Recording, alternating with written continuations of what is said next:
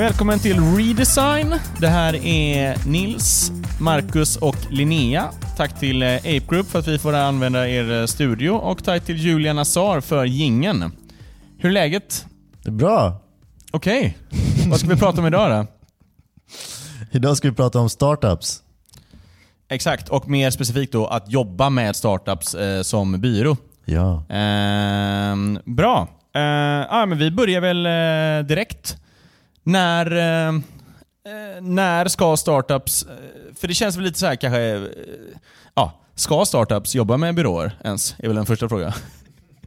Ja, nej men eh, det, det är en ganska, ganska svår fråga egentligen. Om man, man tänker ehm, behovet för startupen beror ju mycket på vilken idé de har och vad, liksom, vilket stadie de är i. Och då kan det vara till exempel om man är i en fundraising stage och man behöver lite hjälp att eh, göra en snyggare design eh, för att få investerare on board. Eller om man faktiskt behöver börja utveckla någonting som man ska testa mot användare.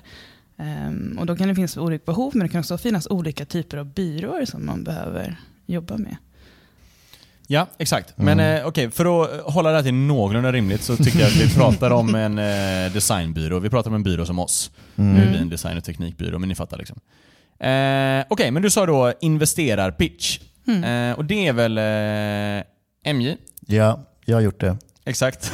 Vill du precis. prata lite mer om det? Jo, men alltså, det, det, det, det har ju hänt eh, att, att vi har fått göra sådana uppdrag. Eh, alltså, i, och I mångt och mycket så, så kan det ju handlar det egentligen om att bara kliva in med erfarenhet, tycker jag, mot eh, investerare. Um, ofta så är det så att de har kommit ganska långt, eller ehm, ehm, um, åt skulle jag säga. För ofta så har ju de kommit ganska långt med sina idéer. Alltså den här uh, entreprenören som driver startupen. Um, och uh, de, de brinner verkligen liksom för deras produktidé. Men det finns liksom massa olika frågetecken runt omkring deras produktidé som, som eh, ja, eh, gör att de inte nu är nog redo till att gå till en investerare. Och Då handlar det ju oftast för oss liksom egentligen att bara ställa de här frågorna, att hjälpa dem ta fram den här produktpitchen liksom, som gör att den blir lite mer tight. Den blir liksom mer tydligt kommunicerad vad det handlar om och hur man faktiskt ska förverkliga den. Men det blir liksom en, det blir en keynote, en presentation. Ja, det blir en keynote. Det blir det nog. Och vad behöver vara i den då? Ja, eh, det, det, det var det för någonting. Jag, åh, vad hette han då? Eh, det finns ju massa olika templates där ute. Och, eh, det är väl en kille som heter Dave McClure som har tagit fram en, en ganska bra modell som, som, eh, eh som eh, ja, utgår liksom från x antal frågor som ska besvaras i en produktpitch. Det är att titta på liksom, Finns det någonting som, eh, finns det någon fakta där ute som säger att det eh, till exempel eh, finns en efterfrågan av, utav det här på marknaden? Um, och, och egentligen, kanske om man ska backa tillbaka ännu mer eh, i, i en sån här pitch, det handlar väl egentligen om att förklara vad är problemet? Vad är, vad är det för något problem den här produkten ska lösa?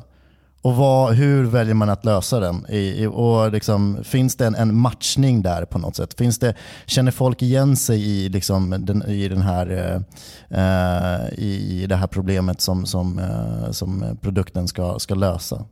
Sen utifrån det så kan man ju då gå in på liksom försöka validera eh, marknaden, se liksom så här, hur stort är det, hur, hur, eh, eh, finns det någon form av liksom siffra där ute som gör att så här, det här är ett problem som är värt att lösa och att man faktiskt kan, kan nå en, en massa olika användare där ute. Men vadå, hur, eh, finns det någon siffra där ute? Vad... Ja men alltså, så här, vadå, det, allting i så här, tidiga skeden är väldigt hypotetiskt. Alltså, så här, det är ju inte så att man kan liksom, eh, eh ladda hem en rapport och sen så eh, liksom, kommer den i, i, eh, i, exakta absoluta termer berätta att ja, men fem miljoner personer i Europa upplever det här som ett problem och eh, de kommer ni kunna nå. Det är det händer ju inte. Så det blir ju liksom, det, man får ju försöka gräva bland den här datorn och försöka göra liksom, eh, någon form av, komma med någon form av slutsats på vad som faktiskt eh, kan, kan peka på, Men- är det värt att lösa det eller inte? Okej, men hitta någonting. Alltså för alla startups, nästan alla startups grundare har ju en personlig... Eh, det här var jag med om. Och då tänkte jag, shit varför finns det ingen lösning till det här? Och sen så gjorde jag den här lösningen. Det är kul att höra. Men det du menar är liksom att vi kan hjälpa dem att hitta liksom mer... Alltså en förklaringsmodell utöver den här eh, vanliga problemformuleringen. Precis, för att nu kommer inte jag ihåg exakt vem det var som, som, eh, som eh, jag, jag, det var en podcast jag lyssnade på som, som tog upp just det här, eh, Han från investerar... Y Combinator va? Ja, Y Combinator, precis. Och han pratar ju om det här att, så här, ponera att du är en investerare. Dagligen så får du höra en massa olika idéer kring, från en massa olika startups. Uh, och det, liksom, ditt jobb är att liksom försöka hitta de som är värda att investera i. Vad är det då som kommer liksom, uh, vara viktigast för dig att, att eh, liksom, få reda på för att, uh, för att du ska vara villig att, att, att ta den här investeringen? Kommer det vara den personliga historien? Att, man, att den här personen kanske har varit med om något så traumatiskt i sin barndom eller om hur den liksom fick en grym idé i duschen? Eller kommer det vara att man liksom kanske kan visa upp en, en siffra på att Eh, om man tittar på kanske liknande tjänster som, som eh, kanske inom samma kategori men skiljer sig bara för att vi har en unik nisch på det hela så är de väldigt populära. De har väldigt stor användarbas. Eh, och det är liksom ett, en, på något sätt någon, något form av bevisföring på att vi tror att det här kommer flyga. Nice. Eh, vi återkommer till mer liksom, eh, i detalj. Ja, det finns många fler frågor. prata i man måste, timmar om ja, absolut, men det här måste ju folk betala oss för. Absolut. Men eh, Linnea, Men jag tror en del av investerarpitchen, alltså där, där byråer verkligen kan hjälpa till, det är ju att visualisera idén på ett sätt som gör det väldigt enkelt att ta till sig. Um, och då, jag menar, även, ehm, man behöver liksom lite, det måste vara lite glossy på något sätt. Det måste vara, det måste vara lite sexigt, annars kan man inte, det är väldigt svårt att sälja en idé till någon och ha liksom, kanske en ganska eh, enkla wireframes eller om man har eh, liksom, anlitat en designer som kanske inte är, liksom, att, att det är någonting som inte ser så bra ut eh, när man ska försöka förklara sin idé eller förklara, visualisera en idé. Ehm, där är liksom någonting som byråer kan hjälpa med, att, att verkligen göra ut någonting och sen kanske se ganska tidigt om det finns problem som kommer att behöva lösas eh, längre fram.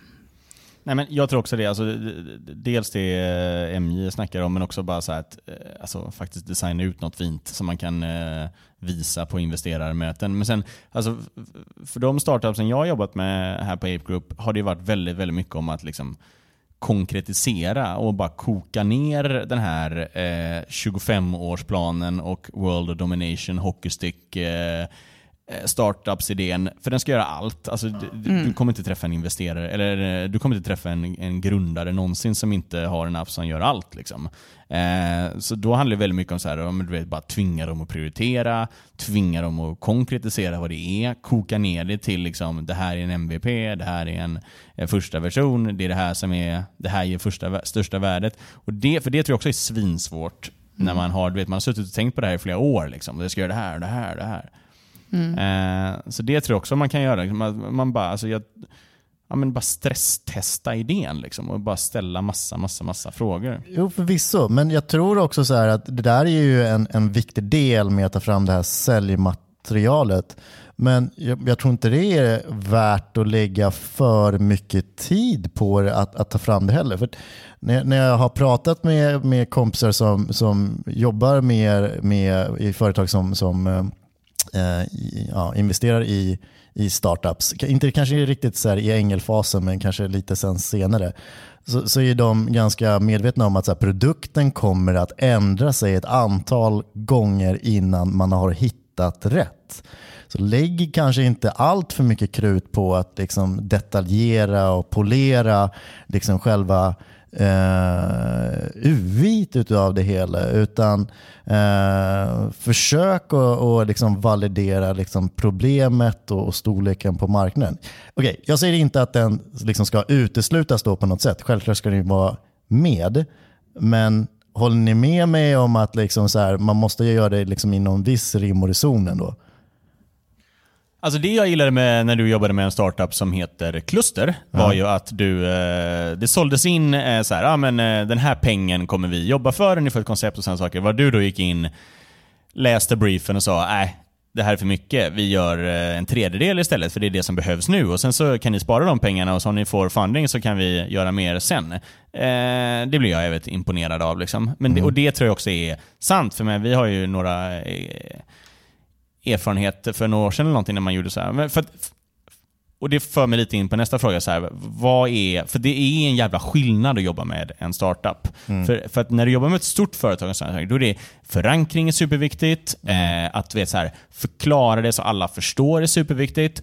Eh, alltså, ja, och så här, ge underlag för vet, äska budget är superviktigt. Medans när man jobbar med startup, eh, den enda som egentligen behöver förstå är de två grundarna och sen så behöver man bara sälja det. Liksom. Japp. Ja men helt klart. Jo, men sen så ehm, kan det väl vara um, att eh, just det här med flexibiliteten, att, att vara mer, jag menar att man är villig att eh, kanske ifrågasätta någonting som de har tyckt varit väldigt viktigt. Jag tror att det är något som är svårt i större organisationer, att verkligen göra en pivot och säga, ja men den här idén som ni har liksom gått och kläckt på jättelänge, eh, kanske inte är den bästa och man kanske behöver tänka från ett annat perspektiv. Eh, Medan med startup så kan det vara kanske det bästa, bästa man kan göra för dem. Man säger att eh, men man hittar något stort problem och så att, att de kanske borde tänka om lite. Men lite som du sa Emmy, att man, man tar bort lite delar. De har liksom tänkt ut hela den här stora planen med allting och sen så kanske man tittar på det och säger att ja, men egentligen det kanske är eh, en mycket mindre del som ni ska börja med att fokusera på.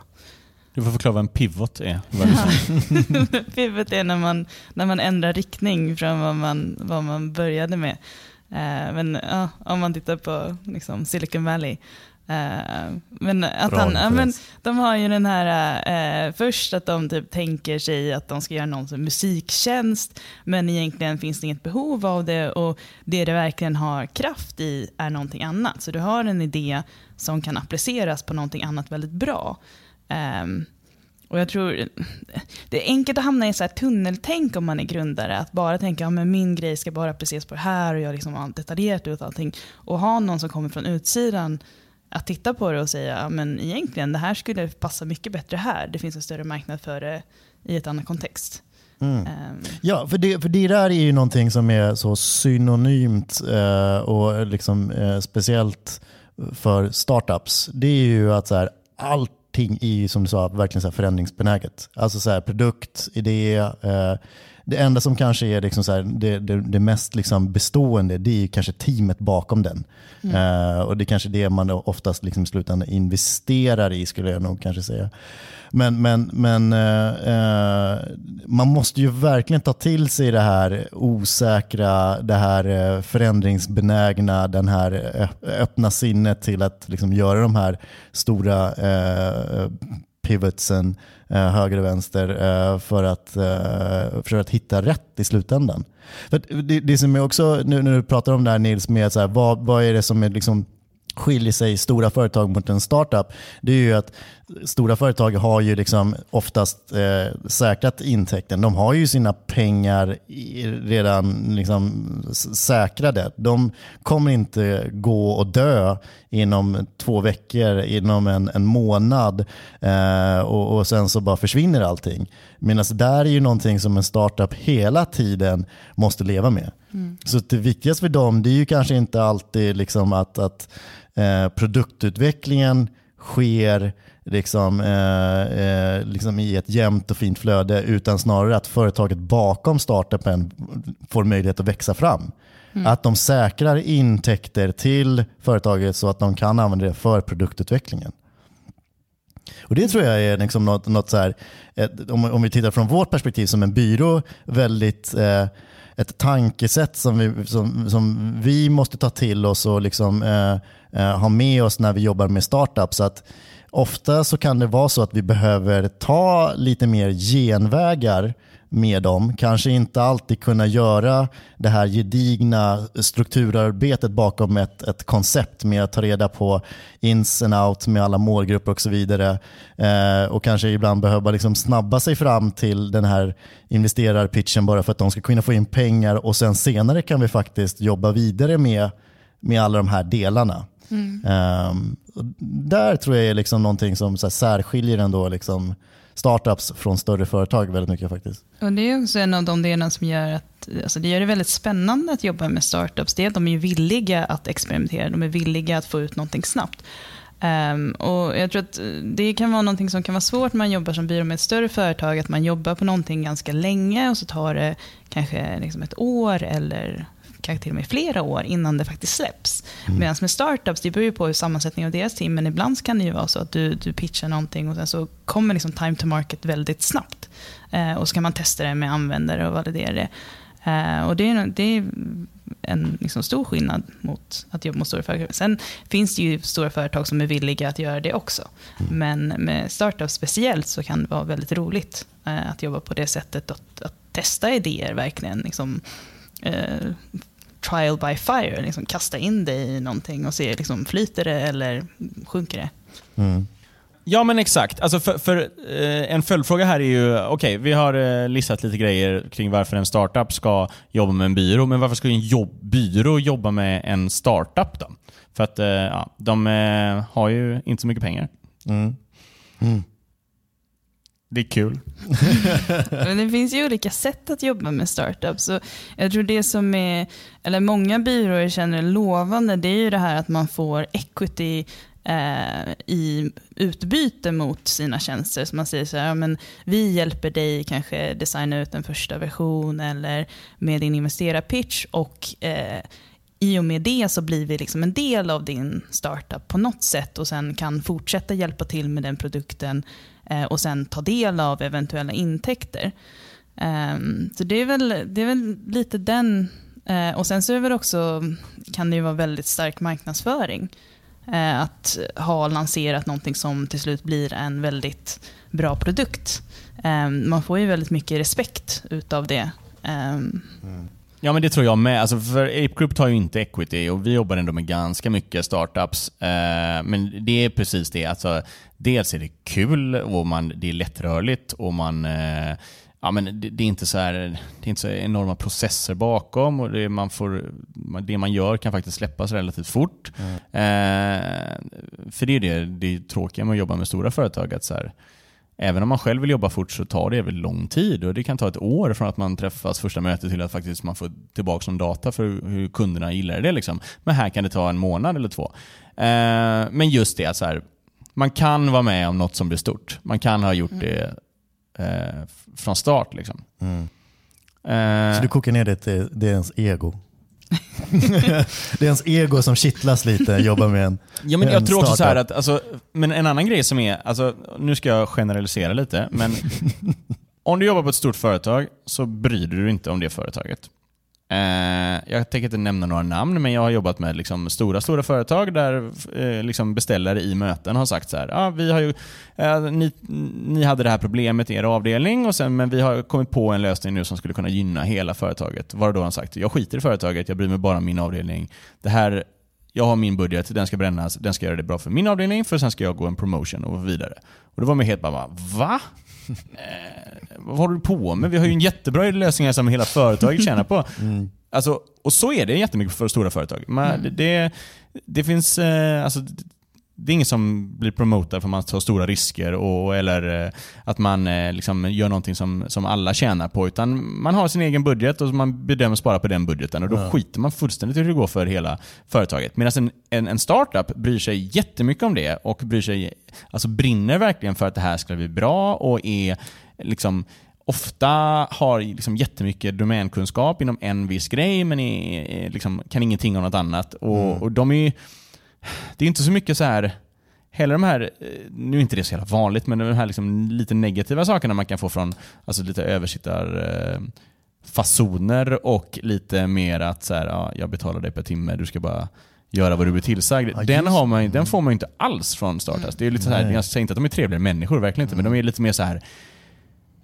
De är ja. bara så här wow vad kul det här ska bli, de är peppade och eh, så här, funkar det? Vad tror ni? De, vet, vi frågar hela tiden hur, så här, Mm. Ja, det var en lång, lång eh, rant Nej, där, men men jag, det är här, jag, jag håller helt med. Alla de där sakerna som ni nämner. Ytterligare en grej tror jag också, så här, det som är lite skönt, det är att slippa lite det här legacy-perspektivet tycker jag. Att man jobbar med någonting som kanske inte, det, det, det är helt nytt. Det, det finns ingenting sedan tidigare. Så att man, man, liksom, man behöver inte ta så mycket hänsyn till på vad som har funnits där sedan tidigare. Utan vi, vi kan omvärdera liksom alla de här konceptbärande idéerna på något sätt.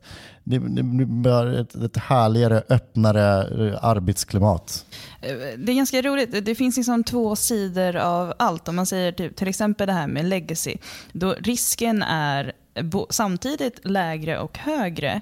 För eh, risken till, när man jobbar med ett större företag, till exempel om man gör en ny satsning, om den går dåligt så reflekterar det ju dåligt på företaget. Eh, med en startup då har de ju ändå lite liksom, spelrum att göra något som kanske inte funkar så himla bra och sen så ändra det och gå framåt och lära sig av det. Men samtidigt så blir det alldeles för dåligt så kanske sjunker helt och hållet. Så det är hela tiden den balansen eh, mellan liksom, Det, det, det, det är roligt att åka berg och dalbana och sen så Ja. bara, åh nej den spårar ur. Ja. Och då vi kraschar och dör. Ah. Ja, men det är samma sak med, med det här med eh, översittarrollen om man, om man har en sån eh, liksom i en, ett större företag. Det kan ju finnas i ett startup att någon är alldeles för engagerad i sin idé och vill sitta med i varje möte och vill vara med i allting och har liksom väldigt förbestämda idéer av vad de ville ha. Och tar kritik som ett personligt påhopp. ja, men absolut, så är det ju. Men jag menar, men alltså det MJ sa alltså med legacy, så här, det, finns ju, det finns ju inga startups som eh, som måste använda SharePoint. Liksom. Nej. Utan, så här, eh, vilket är skönt. Eh, så på det sättet är det roligt. Och man kan göra, det ju- ja, men ofta så är det ju, alltså det behöver ju någon sorts, liksom, man behöver göra en, en del av gränssnittet, behöver ha något eh, unikt liksom, så man kan hänga upp det. Eh, Tinder-swipet. Ja. Eh, och jag menar det behövs någon sorts liksom, teknologisk, eh, liksom, något som är nytt. Eh, det är ju jävligt roligt. Liksom.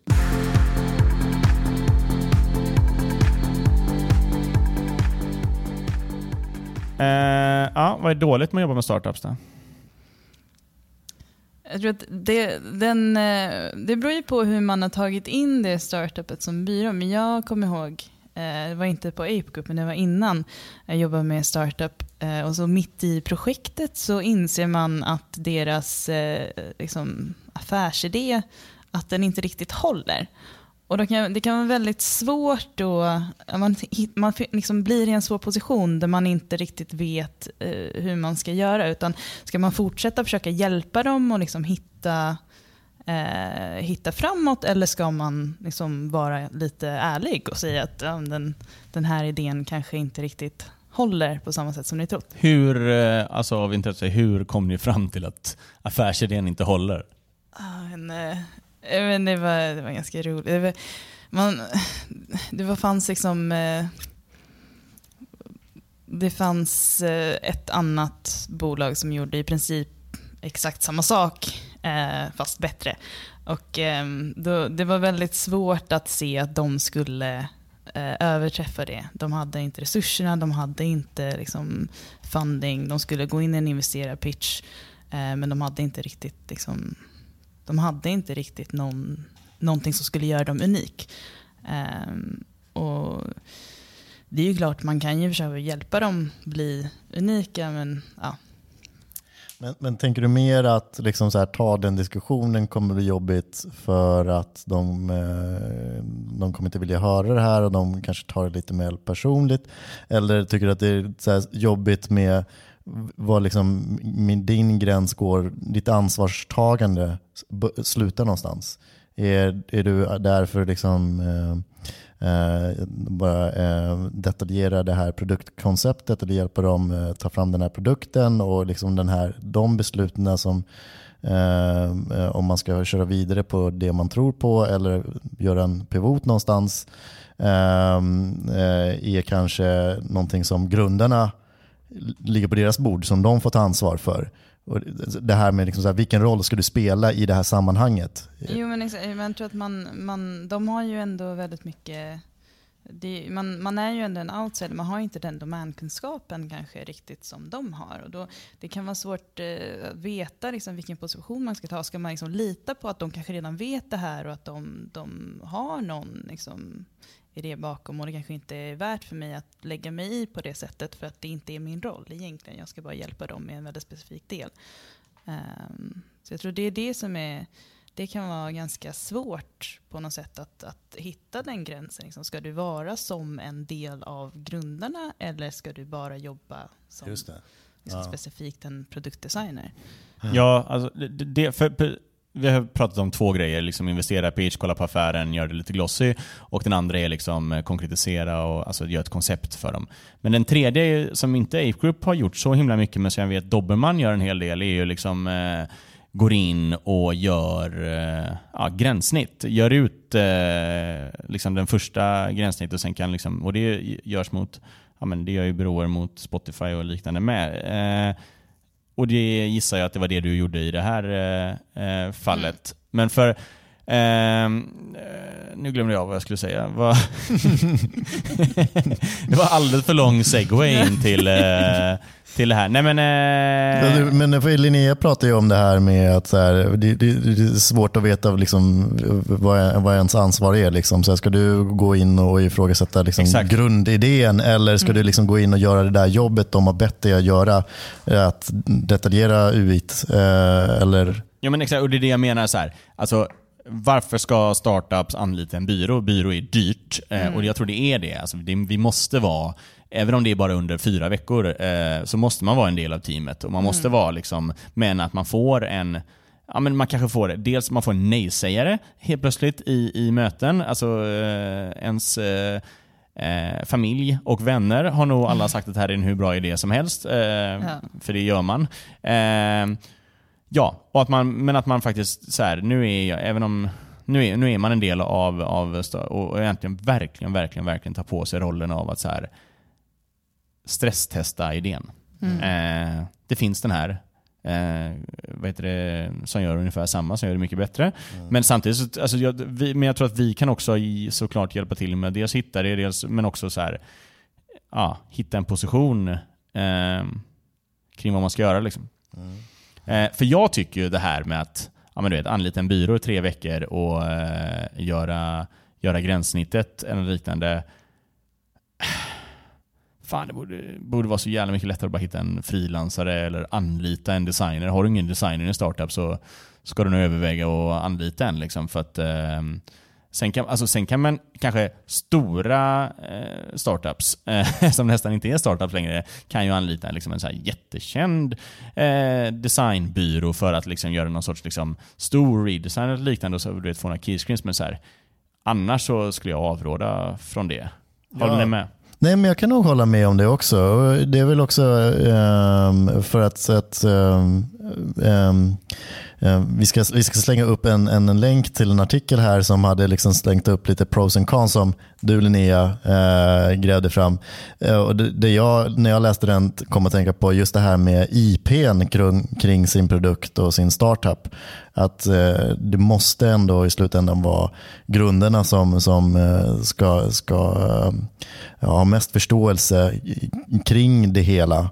Eh, och eh, eh, liksom eh, bevaka det, eh, bevara det på något sätt. Och inte försöka lämna över det på någon, någon, någon, eh, någon byrås ansvar eh, och eh, eh som sen senare kanske kommer kliva ut och sen så försvinner det massor med kunskap om, om användarna eller produkt. Och jag tror det är just därför till exempel eh, så här Google Sprints funkar, just den tekniken funkar ganska bra med startups. Eh, att man, har ett, att man kan engagera grundarna liksom i hela designprocessen och att de ska vara med hela tiden.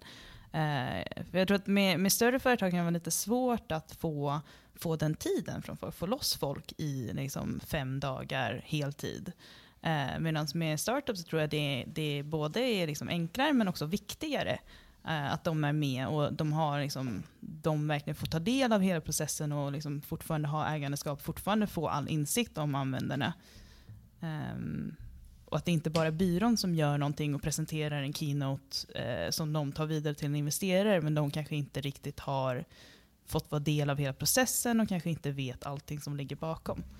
Nej men exakt. Och- Men å andra sidan, det där är, alltså att visa en metodik, visa aktiviteter, lära hur man ska arbeta. Det är ju minst lika intressant för stora företag. Jag menar, det gör vi för eh, ja, Ikea och Fortum och eh, alltså bara involverar kunder. Eh, men skulle det vara mer, alltså jag tror att Ja, det kanske är mer intressant för startups för de kan ju faktiskt göra det liksom. Medans, eh, så här, eh, eh, även om vi är liksom, stora företag, jag tror inte det det krävs mer än eh, en workshop för att liksom, förändra hur de arbetar. Eh, men däremot kan man ju liksom, hjälpa till. Men, och, och för det för mig in på en liten annan sidospår. Eh, act like a startup, eh, brukar vi säga i eh, våra trendspaningar och liknande. Liksom att Stora företag brukar vi likna vid en sån här ångbåt. Det tar jäkligt lång tid att eh, eh byta riktning och byta håll och, eller vända. Medan eh, så brukar vi förorda liksom så här att man gör små speedboats som liksom eh, inte kanske agerar vid sidan av företaget men är liksom ett litet SWAT-team som är lättrörligt. Liksom. Och så testar man massa eh, riktningar med de här speedboatsen. Liksom. Och, eh, och sen när man hittar ett som är bra, då kan man börja ändra hela skutan. Är det... eh, Ja. Är det någonting man lär sig av att jobba med startups? Hur man ska förklara för stora företag att vara som startups? Eller håller ni ens med? Ska de vara som startups? Ehm, men jag, jag håller med liksom att man, man borde ta an det här med, med att vara lite mer rörlig, lite mer flexibel och man kanske har de här teamen som har den, det spelrummet. Eh, men eh, jag, vet inte, jag vet inte om man lär sig att bete sig som en startup från startup. Jag tror att det, det beror på startupet i sig eh, på något sätt. Men jag, jag lyssnade på någon så här jätteintressant podcast om Netflix. Eh, och det, ju- det var väldigt intressant att få den inblicken i att det här med pivot, man ser ju det som något som är ganska positivt. Att man ändrar position, att man liksom rör sig väldigt snabbt och så. Eh, men samtidigt så finns det ju väldigt, det finns ju negativa aspekter av det. Till exempel som att de var väldigt strikta med att tappa folk som inte behövdes för deras business längre. Så när de flyttade från till exempel eh, hyra ut filmer till att ha online-filmer.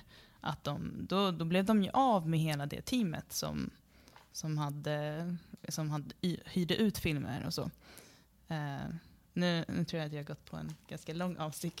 inte riktigt Ja, men vet hur jag menar ska att- dra det tillbaka. Men, Startups kan vara mer Ja. ruthless i... eh, Det är därför det går så fort för dem ofta, för att de kan också sparka folk. ja, och men det kan vara de kan lite ändra affärsidé, medan det kan inte Ja. SKF göra. Mm. Vi gör inte kullager längre, nu gör vi det här istället. Den är tuff att säga. Mm. Men det, det, det vi försöker, liksom, budskapet där är ju liksom att, att gemensamt för, för startup det är ju att man, man, liksom, man utmanar liksom en marknad, man försöker komma in med någonting nytt. Och, och Många så här stora företag blir väldigt trygga i det, det de kan erbjuda sina kunder och liksom kanske inte försöker innovera så mycket kring nya affärsområden, nya typer av tjänster och så vidare. Och där försöker vi väl säga så här, typ att ni måste, måste liksom sätta upp sådana här, eh, om man ska kalla det för innovationslider eller någon form av eh, eh, arbetsström som börjar liksom, eh, titta på nya typer av tjänster, titta på eh, en mer lite seriösare approach till affärsutveckling och så vidare. Ehm, för att eh, ja, mycket kan hända på kort tid nu och det har väl ändå många startups bevisat. Om man tittar på till exempel Uber, hur fort liksom ett sånt företag kan komma in på marknaden och liksom ruska om. Det finns något så här ord som man brukar säga om sådana företag. Disruption menar du? Disruption. Disruptive technology. Eh, Okej, men eh, exakt. Nu kände jag att när vi började prata om eh, liksom, eh, de här titlarna som du använde, då var vi... Det var för mycket storföretag. Eh, för det, alltså change management, digital... Eh, eh, vad heter det? Digital transformation och sådana saker. Det, det, det, får vi hoppas att startupsen har löst. Annars tror jag inte det, de blir så långvariga. Ehm, Okej, men är det någon av er som jobbar med en startup nu? Du gör det, MJ va? ja, det gör jag. Precis. Uh, jo, uh, och um, ja, vad ska man säga där? Det, mm, där har vi väl uh, hjälpt dem i de här eh, initiala skedena eh, med att försöka ta fram det här investera-pitchen. Eh, och eh, eh, se till att de kan säkra intäkter till bolaget. Och vi är väl just nu i en, fas där vi ska börja gå in och bygga deras produkt helt enkelt. Och där känner vi också så här dup att, att det, det, kommer nog vara en utmaning att hitta lite de här gränsdragningarna för ens arbete. Liksom hur, hur mycket ansvar ligger det på oss att, att hantera den där produktutvecklingen och göra det datadrivet och hur mycket ligger det Eh, på kunden att, att eh, eh, liksom styra det där arbetet åt, åt rätt håll. Jag kan tycka att det, det är lite, lite otydligt, men jag, jag, tycker det är spännande att, att vi på Ape Group liksom ändå utvärderar det här området och, och, och försöker liksom, eh, eh, testa det i alla fall med en, ett öppet sinne och se om, om, om vi kan hitta en samarbetsform mellan oss och, och startups som är i den fasen. Uh, för att uh, det, det, det, det, det, är det jag tycker är mest spännande. Att arbeta fram den här produkten. Uh, mycket av det här investerar-pitchen och så vidare, det har liksom mallats upp så, så hårt där nu så att om, om folk bara liksom googlar och, och researchar lite på internet så, så vet de vad det är för några frågor de ska besvara när de kommer i kontakt med investerare. Och det är kul. Mm. Eller? Ja, ja alltså jag sitter och tänker på det. det. På pappret känns det som att man jag gillar ju att göra produkter liksom från start och då... Det får, jag vet inte, jag tror att jag nog nästan gillar mer att jobba för de här lite mer trögflytande eh, företagen, ganska stora. Och så kommer man in och så gör man liksom det känns som att man kan göra så jävla stor impact. Liksom. Alltså för Men problemet... du vill ju också komma utifrån och komma in som en jävla Carola stormvind och Exakt. ruska om det. Jag glider in där, snackar göteborgska, ingen fattar vad som händer liksom. Och så bara, ja, vi, och så vill inte tappa huvud, ansiktet de köper. Ja. Nej men, ja, men lite så. Ja. Eh, och jag menar, stora problemet med att jobba på en byrå är ju att eh, ofta så gör man en punktmarkering och sen så ibland så gör man en, en MVP-version, ibland gör man ett koncept, ibland får man väl lite längre tid. Eh, alla de olika projekttyperna har vi på Ape Group liksom, men eh, fan det är rätt sällan som du får sitta och jobba få tillbaks data. Okej, okay, jaha, ja, då får vi göra den här ändringen, testa det, få tillbaks en data en månad senare. Ja, det funkade. Vad ska nästa problemområde? Så får man inte jobba liksom. Och det är kul.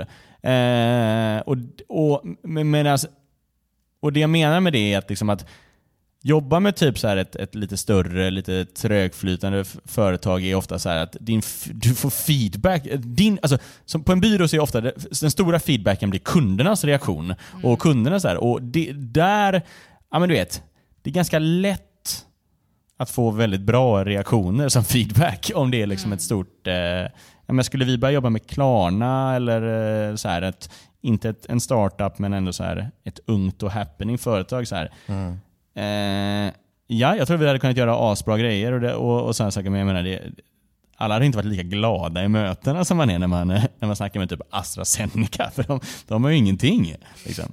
Eh, men, men, vänta, vänta. Alltså, okay, min, min, min tanke här, och så handlar det väldigt mycket om så här positionering. Alltså så här, typ att... Nej, nej, när, när att vi, jag när, får mer beröm för ja, men Exakt, företag. jag tänkte det. Så att när du kliver in i AstraZenecas uh, styrelserum och liksom presenterar den nya, det nya konceptet, liksom, då är du coola snubben i rummet. exakt. Men när du går in och, liksom så här, går in och stöttar en startup, liksom, då är du, då är du som är corporate-gubben. Ja, men då är jag som är fåret som är anställd. uh, Nej men lite så. Och, men också så här. Jag vet inte, det känns som att jag gör så jävla mycket liksom koncept och keynotes. Och det, är, ja, det är bara värt något i någon sorts förankring internt, stort företag. Mm. Ja, men jag tror att det som, det som är ganska enkelt att glömma bort med startups är ju att det är den största delen som inte kommer någon vart. Alltså att, eh, de här success stories är ju ganska få eh, när man tittar på det hela. Liksom typ 90 procent, jag kommer inte ihåg vad siffran var, men ja, om man ska dra till det lite, men typ 90 eller 70 procent som, alltså, som aldrig kommer iväg. Eh, Och eh, jag menar, när man tänker typ, eh, man tänker ju alltid på de här unicorns, typ Airbnb, eh, Uber. Eh, och man tänker hur många det är som faktiskt har gjort den här resan och inte kommit dit. Eh, men att det är samma sak egentligen som med stora företag när man gör projekt som man tycker är väldigt roliga och man vill få ut dem och sen de aldrig kommer ut. Eh, det är samma risk på något sätt men med startups kan det vara lite tråkigare. Att, att det aldrig, liksom, det, det företaget aldrig får bli någonting. Det är större sannolikhet att de dör. Ja. Ja. Just det, medan med ett eh, stort företag eh, så kan det ofta vara så att även om eh, man känner att det här är ingen market fit så kan det släppas ändå eftersom det är budgeterat. Och, Budgeten måste brännas. ja, det är ju bra. Det är bra. Ja. Nej men, eh, okej men så lite avslutning då och nu ska vi liksom inte, det här kan bli två egna separata podcastavsnitt men eh, vi har varit inne och snackat lite om så här eh, byråer som gör ventures eh, och det är en sak men sen har vi också byråer som liksom ja, men, sta- gör egna startups eller eh, släpper egna liksom mindre produkter. Just det, det finns en tredje variant också. Ja. Eh, be, byråer som har acceleratorprogram. Eh, förlåt, Ja, för, förklara det. Ja, Alltså, eh, på min förra byrå, eh, RGA som jag jobbar på, de har ju ett RGA eh, Accelerator där de bjuder in ehm, ehm, startups till att sitta hos dem och eh, så får de hjälp. Alltså, det här är mer som en tävling så att eh, olika startups får ju då tävla om att, att eh, ja, få det här, den här stöttningen utav RGA. Då. Ehm, Just det, och det är som Kanye West. Han eh, tar ju alltid nya upcoming rappare och, och tar deras kända låtar och bara gör en gästvers för då blir han lika cool som de här ja, eh, unga. Liksom. Okej, det är lite samma sak bara. Men, eh, Ja, som med Chief Keef. Exakt, exakt som med Chief Keef. Okej, så startupen är Chief Keef och RGA är Kanye West. Ja, Exakt. det köper jag. Eh, nej, men, ja, alltså, men det tycker jag det låter ju något som Ape Group också borde syssla med. Det är ju Ja. skitbra grej. Eh, en annan grej också, eh, som man, det är ju att vi som designers eh, ska starta egna startups. Eh, för det tror jag man lär sig eh, jävligt mycket på. Eh, och Det är ett kommande avsnitt som heter Sidoprojekt. Eh, Och du har ju lite intressant eh, erfarenhet där. Ja, det har väl Linnea också. Men, eh, Mm. men just det här med att, att, att vara på beställarsidan på något sätt. Eh, ja, men jag berättade lite om, eh, jag, när jag frilansade så jobbade jag för en startup, jag vet inte fan om jag ska kalla det för startup, men Moviesin, eh, video. Och gjorde UX för deras nya redesign och då var liksom, eh, då eh, gick vi med den liksom designen till Dobermann och så fick de liksom göra en så här design review och, och, och försöka höja idén lite så här. Och det var jävligt kul och jävligt så här. Ja men det var, det var mycket, man fick tänka mycket på så här, hur dyrt det är med en byrå och, eh, och, liksom, och men hur, mycket, ja, men hur mycket värt det är liksom ändå att bara så här lägga några timmar på det, designa ett nytt förslag, eh, komma med lite, ställa lite bra frågor. För man har ju stirrat sig så jävla blind på det här. Liksom. Ehm, Mm. ehm, ja, men så, så det... eh, Jag, vet, jag hade ingen fråga där, men eh, just det här med liksom, alltså att försöka starta startups som byråer eller egna produkter och liknande. RGA har ju också, alltså de släpper ju också egna produkter. Eh, De har ju det här Hammerhead som är en cykelnavigator och liknande sådana grejer. Det Och sen- ju, ja, förlåt. Nej, ja, förlåt. Nu avbröt jag dig när jag ville att någon skulle avbryta mig. eh, men också just den här, eh, ja men du vet, att vara designer, försöka starta en egen startup och... och Ja men det tror jag definitivt. Alltså det, det, det, och och det, där är väl någonting som, som oftast vi som, som byråer, eh, det finns många saker som, som dyker upp i en startup som, som vi är befriade ifrån. Eh, som är, eh, är nog så viktigt eh, för en, en eh, lyckad produkt. Eh, eh, men som eh, eh, inte alltid ligger på vårt ansvar. Eh, Alltifrån hur du eh, ehm, vad fan ska man ta för någonting? Eh, uh, or, hur bygger du organisation? Hur, uh, hur uh, marknadsför du den här liksom, um, uh, på ett smart sätt och så vidare. Okej, det där touchar väl vi lite en hel del på också.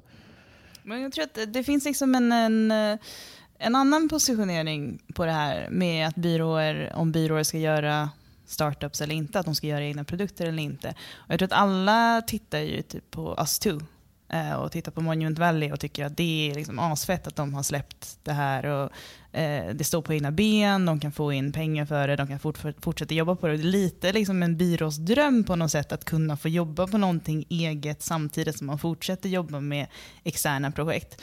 Eh, men jag läste en väldigt intressant artikel, nu kommer jag inte ihåg vem det var som skrev det, men det var Why Agencies Shouldn't Build Their Own Products. Um, och där pratade de väldigt mycket om att jag tror att eh, de tycker att byråer har lite fel mentalitet när det kommer till produkter. Att man är alltid på något sätt låst till eh, timmar. Att man tänker att man ska, varje timme du spenderar på produkten är en timme som du inte får in från en kund. Eh, och det, är en, det är en väldigt svår balansgång att få det till någonting som är, eh, som är bra. Nej men det är ju bara alltså, byråer som har släppt en egen produkt och sagt att de har lagt miljoner på det här. Då har de bara tagit timmarna det tog och sen tagit sin egen timkostnad. Uh, ja, det stämmer ju inte riktigt. De har ju lagt några 10 000 kanske. Men uh, okej, okay, vad bra. Men vi får väl avsluta det här om inte någon har några liksom gyllene sista tips till folk. Uh, antingen som sitter på en startup eller som sitter på en byrå och ska jobba med en startup. Uh, vad, vad, finns det för några tips där ute?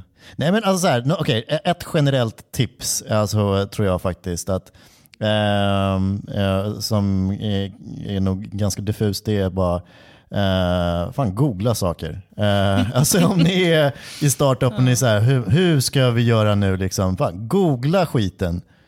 Ja, alltså du googlade praktiskt taget typ how to make a business plan för startup och satt liksom i Excel i två veckor. Så då, Done. ja, boom. Eh, bra. Tack så mycket för det. Eh, Linnea, eh, ny eh, radiopratare här. Eh. Beskriv dig själv i tre startups. Beskriv mig själv i tre startups. Jävlar, det där var svår.